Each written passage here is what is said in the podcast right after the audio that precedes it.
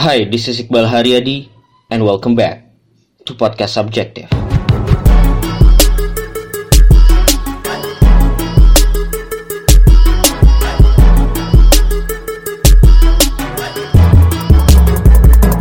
Satu September 2018 Welcome back to Podcast Subjective Buat lo yang baru join Podcast Subjektif ini podcast gua berisi opini, sharing, talks gua sama orang lain. Biasanya temanya tentang millennials. Uh, ya, yeah, one of the mission is to develop millennials, memberikan obrolan-obrolan berkualitas lah buat millennials. Dan buat lo yang udah tidak baru, ini terima kasih uh, udah balik lagi ke podcast subjektif. So uh, harusnya gue rekaman semalam dan keluar seperti janji gue sebelumnya.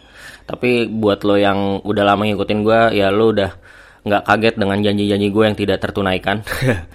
Jadi uh, harusnya keluarnya tiap Jumat malam, tapi ya Jumat malam kemarin cukup sibuk lah jadi harus dilanjutkan Sabtu pagi ini jadi ini Sabtu pagi gue rekaman abis itu langsung gue publish gitu nah uh, yang mau gue share sebenarnya ini lanjutin obrolan gue kemarin sama uh, eh, II kalau dengerin subjective talk yang gue ngobrol sama II uh, kita ngobrolin tentang salah satunya uh, tentang gaya hidup lah gaya hidup minimalis mungkin ya. Jadi kemarin kan gue sama I itu dari uh, Sumbang In ya. Sumbang In itu adalah salah satu project baru dari kitabisa.com. Jadi kalau di kita bisa lu bisa donasi dengan uang kalau disumbangin lu donasi pakai barang. Nah, barangnya ini terutama sekarang masih opennya buat baju. Baju-baju yang lu sumbangin itu akan dikurasi, habis itu dijual lagi dengan harga second hand dan hasil penjualannya itu akan di channeling langsung ke kemen-kemen yang ada di kita bisa. Jadi Uh, terutama buat orang-orang ya yang punya banyak baju yang udah nggak kepake dan gue yakin setiap orang punya banyak baju yang nggak kepake. Artis-artis juga banyak yang ikutan mereka donate bajunya bajunya dikurasi dijualin kalau nggak salah di carousel gitu lu bisa cek juga harganya murah-murah barangnya bagus-bagus. Dan abis itu langsung didonasiin gitu. Nah uh, kemarin kan kita ngobrolin tentang uh, gaya hidup. Ya II ini sebagai salah satu aktivis beridealisme gitu beda sama gue kalau gue kan pragmatis gitu orang ya nah dia ya dia merasa um, apa ya gaya, gaya hidup tuh sangat penting lah. Terutama gaya hidup dari sisi let's say misalnya dari dari sisi berpakaian kalau kalau concern terbesarnya II gitu. Karena fast fashion tuh membuat banyak banget uh, kerusakan lah untuk bumi gitu ya. Nah gue jadi inget dengan bahasan tentang gaya hidup minimalis Nah ini yang mau gue bahas hari ini. Jadi sebenarnya gaya hidup minimalis itu juga bukan ranah ekspertis gue. Maksudnya gue juga bukan orang yang benar-benar mengaplikasikan gaya hidup minimalis. Gue gue pun pertama kali dapat apa ya dapat pencerahan atau dapat persinggungan dengan gaya hidup minimalis tuh waktu gue riset tentang podcast tour. Jadi gue riset ya gue gue waktu itu kan lagi lagi tinggi tingginya banget nih kayak wah podcast gue lagi jalan terus gue pengen banget bikin podcast tour gue riset lah tentang podcast tour. Nah salah satu podcast tour yang gue temukan adalah si podcast minimalism ini. Eh sorry the minimalist. Jadi the min ada podcast namanya the minimalist.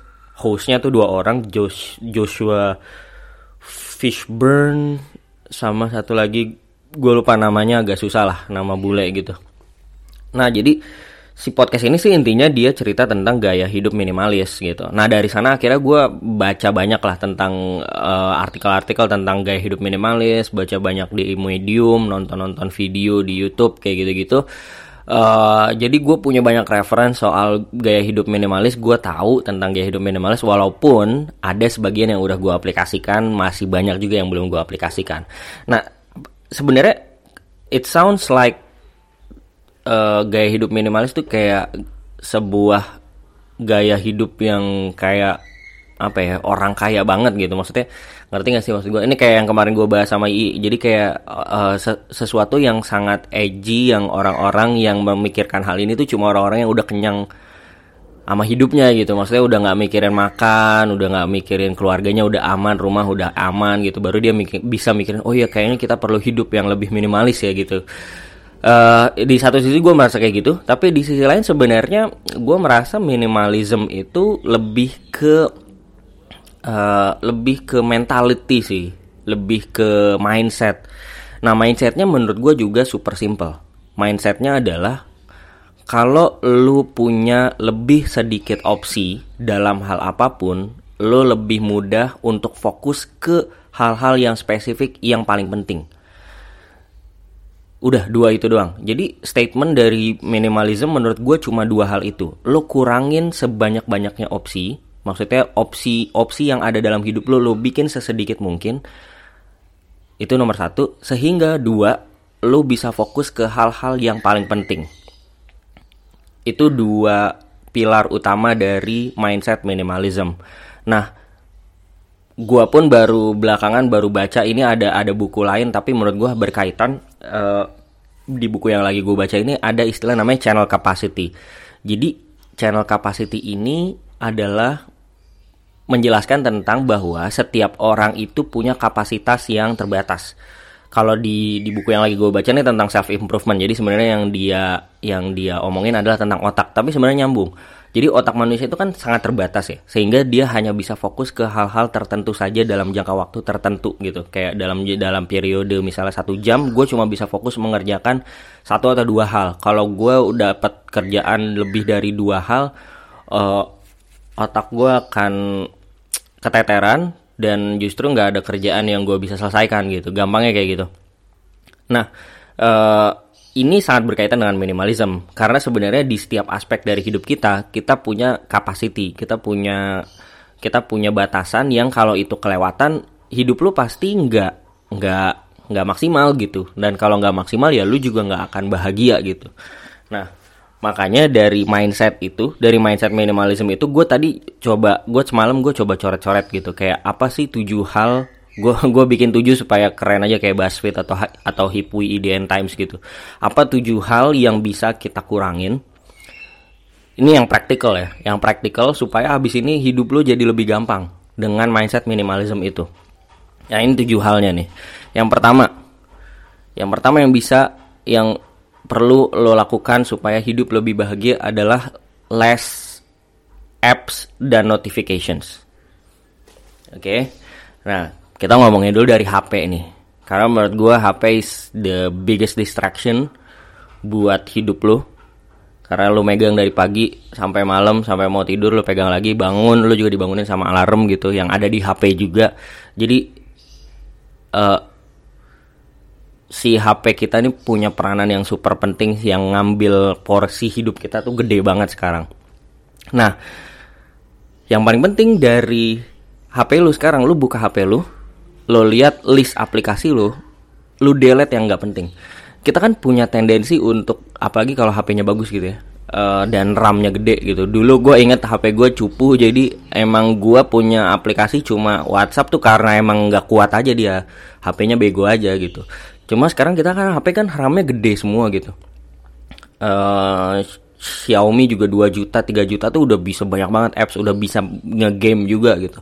Jadi emang kita punya tendensi untuk selalu punya banyak apps dalam handphone kita. Dan apalagi kayak ya download apps segampang itu. Kalau lu punya wifi ya udah lu tinggal download gitu. Dan dan um, ada ada kalau lu ngelihat ada apps bagus oh ini kayaknya suatu saat gue akan butuh nih kayaknya download gitu kan. Gue kayaknya butuh nih apps desain download. Gue kayaknya butuh nih apps buat reminder sholat download gitu. Pokoknya semua download download tiba-tiba numpuk gitu. Nah sekarang percaya apa enggak ya? Lu lihat aja lu buka HP lu lu lihat ada berapa apa tuh bahasanya? Ada berapa page tuh ada berapa homepage yang ada yang isinya ada apps-apps yang lu punya. Berapa banyak dari apps yang lu punya yang benar-benar lu pakai gitu. Atau yang cek dari aplikasi lu yang dalam misalnya dua minggu terakhir lo pakai. Yang dalam dua minggu terakhir enggak lo pakai lo bisa delete gitu Kenapa? Karena ya itu distraction aja sebenarnya. Ngapain juga dia ada di situ gitu. Satu ya buat bersihin RAM. Cuma itu secondary banget lah. Kedua ya sebenarnya biar lu fokus ke biar lu tahu aja sih lu ngaudit eh, penggunaan handphone lu sebenarnya selama ini untuk apa aja. Lu bisa juga masuk ke handphone lu, buka ke uh, memo bukan apa? data usage, data usage. Nah, di data usage kan kelihatan tuh kayak aplikasi-aplikasi apa aja yang datanya paling banyak lo gunakan pasti paling atas tuh uh, Instagram WhatsApp gitu nah bawah-bawahnya tuh yang nggak pak nggak kepake-pakai nah itu sebenarnya udah jadi tanda-tanda buat lo delete gitu Nah, setelah apps-nya lu kurangin, yang kedua, lu buka masing-masing apps. Lu kurangin notifikasi yang muncul di HP lu gitu. Di HP kan ada namanya push notifications. Push notification itu yang muncul di HP lu kalau lu uh, tanpa lu harus buka apps-nya gitu, kayak muncul di paling atas. Misalnya ada message baru dari WhatsApp kayak gitu-gitu. Lu kurangin tuh semua lu buka Instagram kalau misalnya ada notifikasi lu notifikasi lu masih nyala semua kalau gua nih contohnya kalau gue di Instagram notifikasi gue matiin semuanya jadi gue hanya akan tahu notifikasi kalau gue buka Instagramnya gitu kalau nggak gue nggak buka Instagramnya nggak akan muncul notifikasi unless gue paling sekarang masih ada gue push notif uh, kalau misalnya Kang Emil ngepost gitu. Tapi itu juga udah jarang banget gue pakai. Kemungkinan akan gue matiin juga. Jadi gue nggak ada nggak ada notif push notif dari Instagram gitu. Uh, atau misalnya WhatsApp juga kan WhatsApp masih masih banyak. Tapi mungkin WhatsApp penting lah untuk komunikasi. Ya intinya semua notifikasi yang perlu yang bisa lu kurangin kurangin semua gitu. Karena ya faktanya seorang buka HP tuh 150 kali gitu sehari which is kalau dihitung-hitung ya gue nggak tahu sih gue nggak bisa ngitung. Tapi intinya sebanyak itulah gitu. Dan itu sangat-sangat distract dan mungkin membuat kadar happiness lo menurun karena ya lu terlalu sering membuka sesuatu yang nggak membuat lu happy juga kan nggak semuanya happy gitu. Itu mungkin nomor satu less apps dan less notifications. Nah yang kedua less mindless scrolling. Apa tuh mindless scrolling? Nah ini masih ada hubungannya nih sama, sama HP mindless scrolling itu uh, adalah apa ya behavior ketika lu buka HP, misalnya lu gampangnya gini deh, lu buka Instagram, terus lu scrolling, scrolling, scrolling, scrolling, tapi lu nggak punya tujuan apa-apa.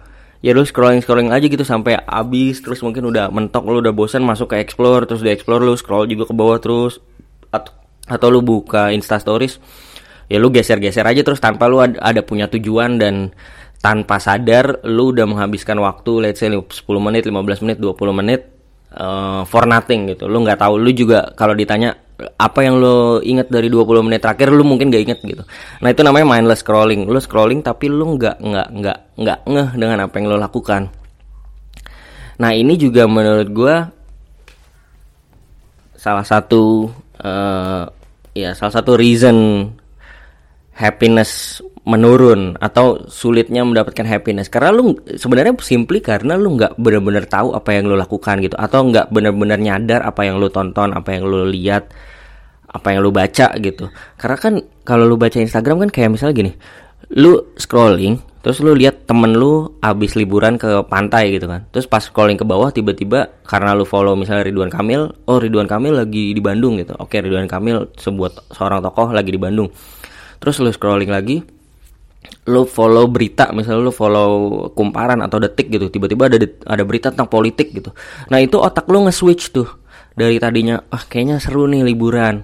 Oh ada tokoh nih inspiratif gitu. Tiba-tiba ada berita politik itu lo nge-switch. Otak lo nge-switch. Nanti abis lihat uh, politik lu scroll ke bawah lagi ada artis Korea dihujat misalnya gitu. Nah itu lo nge-switch nge-switch lagi. Nah itu kasihan otak kita sih. Karena dia switching switching jumping from one idea to another idea tanpa jeda. Dan akhirnya kita cuma capek doang istilahnya kayak kalau olahraga tuh uh, ya dapat dapat keringat doang gitu. Uh, fitness juga enggak gitu. Nah gimana caranya ngurangin si mindless scrolling ini?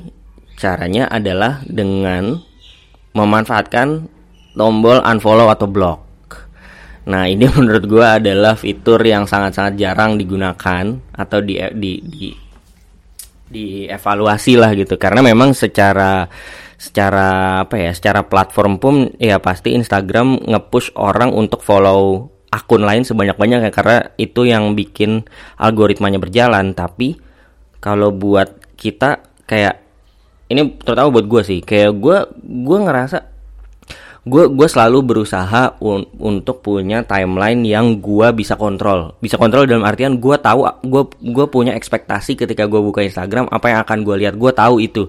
Jadi nggak nggak tiba-tiba muncul sesuatu yang di luar ekspektasi gue atau sesuatu yang tiba-tiba bisa bikin gue uh, emosi lah gitu marah atau apa atau atau yang yang intinya bikin bad mood lah gitu. Nah caranya adalah ya gue ya gue unfollow unfollowin orang-orang yang nggak sesuai sama gue gitu. Jadi secara cara berkala misalnya sebulan sekali dua bulan sekali gue pasti ngecek following gue gue cekin satu-satu mana yang postingan-postingannya kalau gue inget-inget ah ini orang nggak ngasih manfaat buat buat gue atau kayak even teman-teman gue yang mungkin kayak nge, yang mungkin bu, bukan teman sih kenalan yang mungkin gue pernah follow terus uh, sebenarnya gue juga nggak gampangnya gini nggak suka-suka banget lah sama orang ini nggak sukanya dalam artian kalau ngeliat postingan dia gue bawaannya nyinyir mulu gitu. Nah gue daripada nyinyir gue dapet dosanya gitu mendingan gue unfollow aja. Orang-orang kayak gini tuh gue gue unfollow unfollowin gitu. So that's what I do dan dan uh, somehow it really helps. Karena bikin gue nggak terlalu pusing sama yang emang gua nggak suka gitu. Daripada gua follow buat apa lu follow temen lu tapi lu sebenarnya nggak suka dan lu tiap kali ngeliat dia lu nyinyir atau apa tapi lu enak juga gitu kan ngapain gitu? Ya mendingan lu fokus ke akun-akun yang emang lu pengen follow. Gue pernah juga waktu beberapa waktu yang lalu kayak dua minggu yang lalu gitu uh, eh, gue nge-tweet gue nge-tweet sesuatu.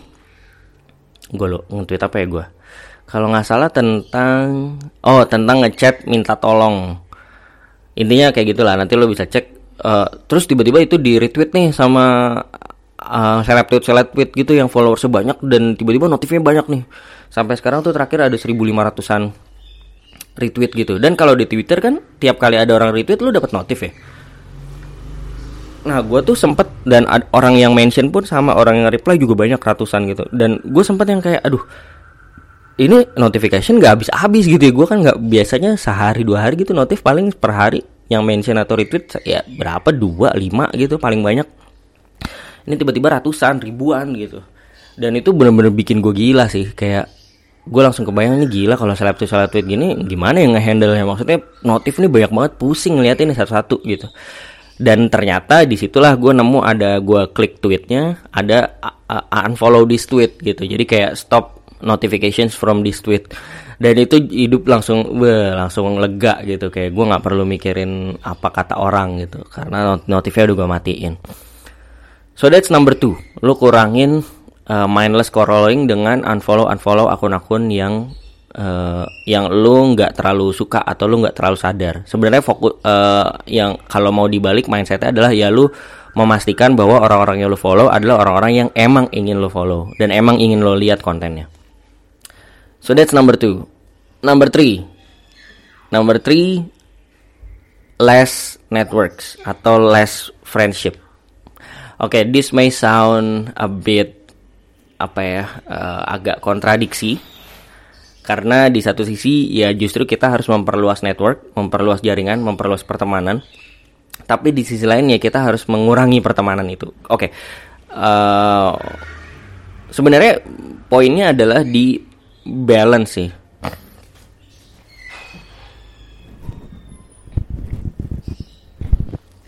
kita kan pengen ngebalance hidup kita gitu ya. Nah kita pengen ngebalance hidup kita. Ini masih berkaitan dengan poin nomor 2 dan nomor satu. Kita pengen ngebalance uh, hidup kita. Artinya kita perlu mengontrol orang-orang yang temenan sama kita. Karena orang-orang yang temenan sama kita yang ngabisin waktu sama kita itu adalah orang-orang yang sangat berpengaruh gitu. Lo adalah uh, rata-rata uh, dari lima orang teman terdekat lo gitu. Kalau gue mau ngejudge lo ya gue teman terdekat lu siapa? Gue list aja satu dua tiga empat lima. Kelakuannya kayak gitu kurang lebih lu akan kayak gitu juga gitu. Uh, itu sama juga kalau lo mau pakai pakai pakai argumen agama pun ya Rasul juga bilang kayak gitu. Lu itu dinilai dari teman lu. Teman lu siapa? Ya kurang lebih lo kayak gitu. Karena lo cuma akan temenan sama orang yang satu frekuensi sama lo gampang gitu. Nah sebenarnya poin gue di sini lebih banyak ke pertemanan sekarang itu kan lebih gampang karena social again karena social media. Mau lebih spesifik lagi again salah satunya karena line WhatsApp atau uh, platform chatting lah. Dan karena gampang banget salah satu yang kita punya banyak semua orang Indonesia punya banyak adalah grup WhatsApp. Nah menurut gue grup WhatsApp ini somehow ngabisin waktu banyak banget. Ngabisin waktu banyak ngabisin energi banyak ngabisin fokus banyak juga dan akhirnya juga ngurangin happiness lo gitu karena lu ada di grup-grup yang sebenarnya lu tidak inginkan ada di grup itu gitu. Nah uh, apalagi ya sebenarnya sekarang semudah itu kan untuk join grup gitu. Uh, dan kita merasa kayak bisa oh ada oh ada grup nih tentang belajar bisnis gitu kayak pengen ikut. Uh, tapi ya pengen ikut itu karena ikut-ikutan doang gitu. Pas di dalam pun lu nggak merasa dapat manfaat lu terus isinya ternyata orang-orang pada broadcast politik lah apa gitu anjing lah. Gitu udah kayak gitu-gitu sebenarnya bisa dikurangin gitu. Kurangin lah WhatsApp WhatsApp live lah WhatsApp WhatsApp grup yang nggak terlalu penting buat lo yang yang bisa lo tinggalin. Tinggalin aja tinggalin aja. Seriously nggak akan ada yang berubah dari hidup lo. Percaya sama gue keluar aja dari WhatsApp WhatsApp grup itu uh, ya tentu norma uh, apa pamitannya juga diperhatikan gitu maksud gue uh, kalau itu alumni SMP misalnya ya ya mungkin at least lu udah ngejapri beberapa orang bilang kayak eh gue kayaknya akan keluar grup nih tapi kalau ada apa-apa yang penting kasih tahu ya misal kayak gitu misal ya. Um, ya udah habis itu baru keluar grup tapi keluar grupnya juga ngomong-ngomong baik-baik gitu. Jadi tetap jaga pertemanan tapi ya kita tetap jaga our uh, sanity juga lu tetap jaga kewarasan kita juga karena kalau kebanyakan juga gila men orang-orang pada WhatsApp juga kayak apa tuh kayak ya gitulah. Ya sekarang gini deh lo juga lihat aja orang-orang yang aktif di WhatsApp tuh kemungkinan besar grup WhatsApp ya grup WhatsApp. Kemungkinan besar ya orang-orang yang nganggur gitu. Maksudnya orang pun akan ngechat ketika mereka nganggur kan. Ketika mereka kerja tentu mereka nggak akan ngecek gitu. Tapi berarti kan semakin semakin aktif dia berarti kayaknya dia uh, waktu nganggurnya banyak gitu. Jadi kayaknya nggak nggak sehat juga kalau lo ada di situ jadi dengan mengurangi network yang tidak penting dalam ini dalam hal ini spesifiknya grup WhatsApp ya lo akan lebih happy. Nah, nomor 4, nomor 4, nomor 5, nomor 6, nomor 7 nih lebih lebih gaya hidup nih. Nomor 4 dulu. Nomor 4 gimana caranya supaya lo lebih bahagia adalah mengurangi makan. Oke. Okay. This is the hardest part. Gua tahu, gua juga susah banget. Uh, ya gua juga sama uh, cantik udah berwacana mengurangi makan dari kapan? Tahu this super hard karena the temptation untuk makan adalah temptation terbesar yang sangat sulit untuk dielakkan apalagi di Indonesia dengan jajanan-jajanan yang super luar biasa. Kayak gue inget banget ke Makassar aja gila. Gila sih Makassar makanannya enak-enak banget. Dan gak mungkin lu udah ke sana terus lu nggak makan gitu kayak lu menyia-nyiakan menyia-nyiakan hidup yang dikasih sama Tuhan gitu kan. Tapi uh, belakangan gue lagi baca uh, buku judulnya Clean Eating. Um, penulisnya gue lupa namanya. Belakang nama belakangnya Tumewa, Tumewa, Tumewu. Oh Tumiwa, Tumiwa. Nama belakangnya Tumiwa. Uh, nah dia cerita di situ sebenarnya sebenarnya makan gaya makan hidup sehat itu bukan untuk gaya-gayaan, tapi ya untuk sehat gitu. Tujuannya adalah supaya lu sehat supaya lu nggak uh, berat badan lu nggak lebih besar dari berat badan ideal. Kenapa? Karena lu kalau lu lebih berat dari badan ideal lu lu akan lebih mudah sakit uh, lu mungkin nggak lebih fit lu mudah ngantuk tidak terlalu fokus dalam bekerja tidak tidak tidak lebih gampang dalam berpikir. Sebenarnya hal-hal kayak gitu yang akhirnya ngaruh ke semua karena kan you are what you eat ya. Lu tuh di define oleh apa yang lu makan dan makanan ini super penting karena ya itu menentukan cara lo berpikir, cara lo ber, uh, seberapa panjang umur lo gitu. Ya tentu umur di tangan Tuhan ya, tapi maksud gua kan tetap ada hal saintifik yang bisa kita kontrol. Salah satunya apa yang kita makan gitu. Bahkan di agama Islam pun uh, makan pun diatur gitu. Kalau di agama Islam ya kayak misalnya uh, makan lu nggak boleh kekenyangan karena lu harus ngasih ngasih ngasih ud ngasih apa namanya ngasih porsi sepertiga perut lu buat makan sepertiga buat air sepertiga buat udara. Udara tuh maksudnya ya berarti lu harus kosongin sepertiganya gitu. Kalau lu punya satu plate full sepertiganya harus kosong supaya ada udara jadi lu nggak terlalu kembung dengan makanan dan minuman gitu. Dan dan di Islam pun sangat di sangat dikontrol kan lu nggak boleh makan yang haram-haram itu dalam Islam ya dilarang karena supaya lu bisa ngontrol behavior lu seperti apa. Kayak misalnya di Islam nggak boleh minum minuman yang memabukkan. Kenapa? Karena dengan minum minuman yang memabukkan, lu nggak sadar apa yang lu lakukan. Kalau nih pakai histori nih ya, pakai sejarah, dulu sebenarnya waktu awal Islam uh, apa namanya masyarakat jahiliyah di Arab itu kan emang udah minum-minum ya kebiasaannya minum-minum minum-minum yang memabukkan minum-minuman arak bir gitu-gitu. Nah uh, pada saat itu sholat udah dianjurkan nih tapi minuman memabukkan belum dilarang. Dan ada salah satu sahabat yang mabuk mabuk habis itu sholat. Nah pas sholat dia nggak sadar apa yang dia baca. Yang dia dia intinya dia bukannya me, kalau gua nggak salah dia bukannya me, membaca bacaan yang artinya memuji Allah tapi justru mencemooh Allah gitu kayak atau memuji Tuhan yang lain. Dan akhirnya kan wah ini nggak bisa nih kayak gini gitu. Kalau orang di minuman bukan dibolehin terus nanti orang makin nggak sadar dengan apa yang dia kerjakan. Makanya akhirnya dilarang di agama Islam gitu. Jadi sebenarnya lebih untuk lu ngontrol hidup lu kayak apa.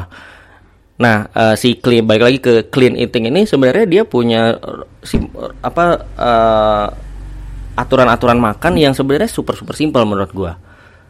Kayak misalnya uh, dia sangat menganjurkan untuk tidak pakai gula atau mengurangi gula gitu karena ya gampangnya gula tidak baik lah. Ini akan kita bahas lebih detail lain gitu. Kurangin gula, banyakin air putih. Dia sangat menghindari makanan-makanan kemasan karena semua makanan kemasan itu udah pakai pengawet, udah pakai bahan yang tidak sehat kayak gitu-gitu gitu. Uh, kalau masak, eh kalau masak, kalau makan dianjurkan masak sendiri karena lo bisa ngontrol uh, kualitasnya kayak apa. Hal-hal simple gitu. Tapi ya gue tahu aplikasinya susah banget. Gue aja tadi habis. Gini gue aja pagi ini sudah minum teh manis yang sangat enak dan uh, apa namanya? Mari Abon. Mari ya itulah Malkis ya Malkis abon yang sangat enak ada gulanya dan ada abonnya gila sadis nggak enak. Nah tapi uh, intinya uh, eh, gue juga lagi berusaha. Cie gitu.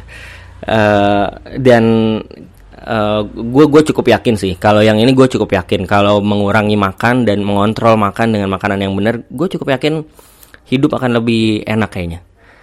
Karena ya gue mikirin juga nanti kalau gue udah punya anak misalnya ya kalau gue sakit-sakitan kan pasti nyusahin gitu uh, eh, gue juga pengen bisa main main sama anak gitu kayak bisa olahraga bareng apa gitu ya umur panjang lah intinya umur panjang dan bisa melakukan apa apa nggak nggak terkendala dengan sakit dan lain-lain jadi kurangin makan-makan yang tidak terlalu sehat I know it's hard uh, tapi ya ya ya ya kurangin makan gitu. Nah itu nomor 4 Nomor 5 kurangin pakaian. Nah kurangin pakaian nih kalau uh, mungkin kalau referensi yang yang perlu lu baca adalah uh, buku uh, The Life Changing Magic of Tidying Up yang nulis namanya Mari Kondo. Mari Kondo. Jadi dia punya metode namanya KonMari. Orang Jepang, uh, as you know, orang Jepang aneh maksudnya kalau mereka udah fokus sama sesuatu terus mereka bisa sampai dalam terus bikin rule yang aneh-aneh tapi secara umum sebenarnya rule dia simple lu kalau punya baju lu lihat satu-satu lu lu renungkan satu-satu apakah lu masih butuh baju ini? Kalau enggak ya udah dibuang aja. Gitu. Nah uh, dan gue gua gua juga challenge lu untuk lihat lemari lu.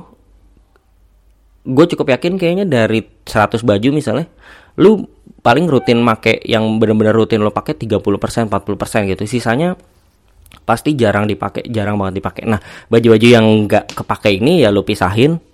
Ya udah lu sumbangin gitu. Lu sumbangin ke sumbangin sumbang.in gitu kan. Atau ya sumbangin ke mana lah eh, yang lo mau gitu. Dan itu akan bikin hidup lebih simpel karena uh, mau pakai baju apa setelah ini juga adalah pertanyaan yang cukup menguras waktu. Kalau lo mau melakukan banyak aktivitas. That's why Steve Jobs, uh, Bill Gates, eh gue Bill Gates juga nggak ya? Steve Jobs, Mark Zuckerberg, uh, dan banyak orang-orang keren lainnya selalu pakai baju yang sama modelnya. Mereka punya banyak baju itu. Jadi gue juga kesel kalau orang ini pakai bajunya itu mulu enggak dia punya baju itu banyak gitu tapi modelnya sama jadi kayaknya sekarang dia pakai baju itu terus tapi poinnya adalah kenapa dia pakai baju itu terus karena pertanyaan pakai baju apa? adalah decision making yang sangat tidak penting yang dia pengen enyahkan karena dia punya banyak decision making yang lebih penting lain gitu. Jadi dia pengen setiap pagi dia nggak usah mikirin pakai baju apa gue pakai baju ini gue udah yakin gue akan tampil keren dan ini udah appropriate gue udah ya udah gue jalan gitu. Dan sisanya gue akan kerja gitu banyak decision making proses decision making yang lebih penting yang harus gue lakukan gitu jadi sebenarnya mengurangi pakaian itu membuat lo jadi memilih pakaian dengan lebih mudah dan lo bisa fokus sama hal-hal yang lebih penting keenam less buying kurangin belanja. Ini juga adalah sebuah sesuatu yang sulit karena sekarang belanja semudah itu, GoFood segampang itu, duit lu udah dari GoPay juga. Tokped, Bukalapak segampang itu gue beli sekarang besok nyampe. Uh, Instagram foto apa pun jadi bagus. Jadi keinginan buat beli itu sangat-sangat tinggi, tapi ya again only buy what you need. Uh, mungkin salah satu salah satu metodenya adalah dengan financial planning yang financial planning rule yang cukup simple menurut gua. Tiap kali lu punya gaji, yang pertama lo lakukan adalah lu masukin tabungan dulu. Masukin tabungan dulu, bayar zakat atau bayar infak sodakoh dulu. Kalau ada cicilan lu bayar cicilan dulu, sisanya lu belanjain. Jadi jadi yang sisanya itu lu udah nggak mikir kayak oh, gue mau belanja apa ya? Nah itu udah udah fix nih. Misalnya sisanya satu juta misal. Ya udah lu cum lu punya punya duit satu juta tinggal lu pikirin gue mau make belanja belanjain satu juta ini untuk apa? Gitu. Untuk apanya ini ya cari yang paling lu butuhkan yang paling bikin lu happy jadi lu bisa fokus ke hal-hal yang emang lu bener-bener butuhkan dan bikin happy. Bukan cuma lu bikin lu happy doang. Karena yang bikin bikin lu happy banyak yang bikin sengsara juga. Misalnya beli action figure tiga setengah juta. Wah anjing gue pengen juga tuh. Keren banget. Tapi uh, yang nggak nggak mampu gitu. Makanya gue beli action figure yang seratus ribu seratus ribu. Ya nggak kecil-kecil lumayan. Bagus-bagus juga kalau ada banyak. Gitu. Even sekarang gue udah nggak pernah beli lagi uh, karena belum ada duitnya lagi aja yang emang bisa gue sisihin khusus untuk itu so uh, less buying akan bikin happy juga nah terakhir terakhir terakhir banget less complain Nah ini sebenarnya lebih ke mindset sih. Ini bukan ini it's not uh, really practical. I mean it's it's practical tapi on mindset level. Um, gampangnya gini. Sebenarnya hidup itu cukup kalau bahasanya Gary V ini cukup binary. Kalau binary itu istilah di IT di komputer uh, 0 atau 1. Jadi cuma ada dua pilihan, 0 atau 1 nol atau satu nol atau satu. Nah menurut gue hidup juga sama. Hidup tuh pilihannya cuma dua. Lu mau kerja perjuangin buat itu atau lu mau komplain? Lu pilih aja dua itu. Tapi kalau lu udah pilih lu konsekuen. Udah gitu doang sesimpel itu. Jadi eh, menurut gue maksud gue gini kita kan punya banyak masalah ya dalam hidup. Kayak masalah mungkin ada masalah personal uh, sorry masalah relationship ada masalah keluarga ada masalah di kantor ada masalah pertemanan ada masalah finansial banyak lah gitu. Nah pilihannya tuh selalu dua. Lu mau komplain karena masalah selalu terjadi sama lu karena ini kayak gini karena ini kayak gitu salah Jokowi salah Sri Mulyani salah siapa lu mau salahin orang atau ya udah lu cari cari solvingnya dan lu kerja gitu. Ya lu fight for it gitu lu perjuangin. Skripsi lu nggak kelar-kelar lu mau komplain lu mau nyalahin dosen lu ke mana-mana apa segala macam atau ya lu ya lu kerja gitu lu kerjain skripsinya gitu lu nggak dapat dapat kerja lu bisa komplain. Mungkin sekarang industri nggak nggak nggak nggak mengapresiasi sarjana yang IPK-nya tinggi bla bla bla bla bla bla bla. Atau ya ya lu you do whatever it takes supaya lu dapat kerja gitu. Jadi lu pilihannya tuh selalu dua itu. Lu komplain atau kerja komplain atau kerja. Nah kalau lu punya pilihan yang clear selalu milih untuk kerja instead of complain menurut gua lu lu akan lebih tidak stres. Karena lu tahu sebenarnya semua tidak ada hal yang emang banyak yang nggak bisa lu kontrol tapi the only thing you can really control adalah ya your effort gitu. Seberapa keras lo mau usaha dapetin itu. So ya yeah, that's it. Tujuh hal yang yang bisa lo kurangin supaya hidup lo lebih lebih bahagia dengan konsep minimalism tadi. Lo kurangin yang nggak penting buang-buangin yang nggak penting dan lu bisa fokus ke hal-hal yang paling penting. Dengan ngurangin ngurang ngurangin banyak banyak opsi ini lu lu pasti waktu lu akan jauh lebih luang. Lu akan ngelihat lu akan ngelihat satu hari 24 jam tuh lebih clear apa yang bisa lu bagi buat keluarga apa yang bisa lu bagi buat kerjaan apa yang bisa lu bagi buat your self happiness buat your networks gitu buat your family it's gonna be easier. Gua pun masih semua masih gua lakukan satu-satu tapi gue sangat optimis kalau gue bisa ngurangin banyak hal. Kayaknya gue bisa lebih fokus buat lebih banyak hal yang penting instead of cuma ngabisin waktu buat hal-hal yang tidak penting. So that's it. Kalau diulang satu kurangin notifikasi, dua kurangin mindless scrolling di sosmed, tiga kurangin networks yang tidak penting seperti grup WhatsApp, empat kurangin makanan, lima kurangin pakaian, enam kurangin belanja, tujuh kurangin stres dan komplain. So yeah that's it. Again kalau lo mau kurangin baju lo bisa ke Sumbangin, lo cari di Instagram @sumbang.in bisa ke sana DM uh, ada WhatsApp juga kalau nggak salah di situ. Uh, dan uh, ya ya that's it that's it. Uh, gue hari ini mau ke Asian Fest Asian Fest. Apa sih namanya? Asian Fest. Iya, iya kan? Asian Fest Asian Games. So ya ini akan gue edit langsung gue publish. Jadi kalau somehow lu dengerin ini hari ini mungkin lo bisa DM gue siapa tahu kita bisa ketemu di sana kayaknya akan sampai malam rencananya. So yeah that's it. If you like this episode uh, share it on Insta Stories. Nanti gue akan repost tweet gue di @iqbalhp Instagram gue @iqbalhp. Kalau mau nanya juga bisa ke email iqbalhp@gmail.com kalau lu pengguna Apple please make time buat kasih rating sama review it really helpful supaya podcast gue lebih banyak yang dengerin. So that's it guys. Thank you so much. Please be subjective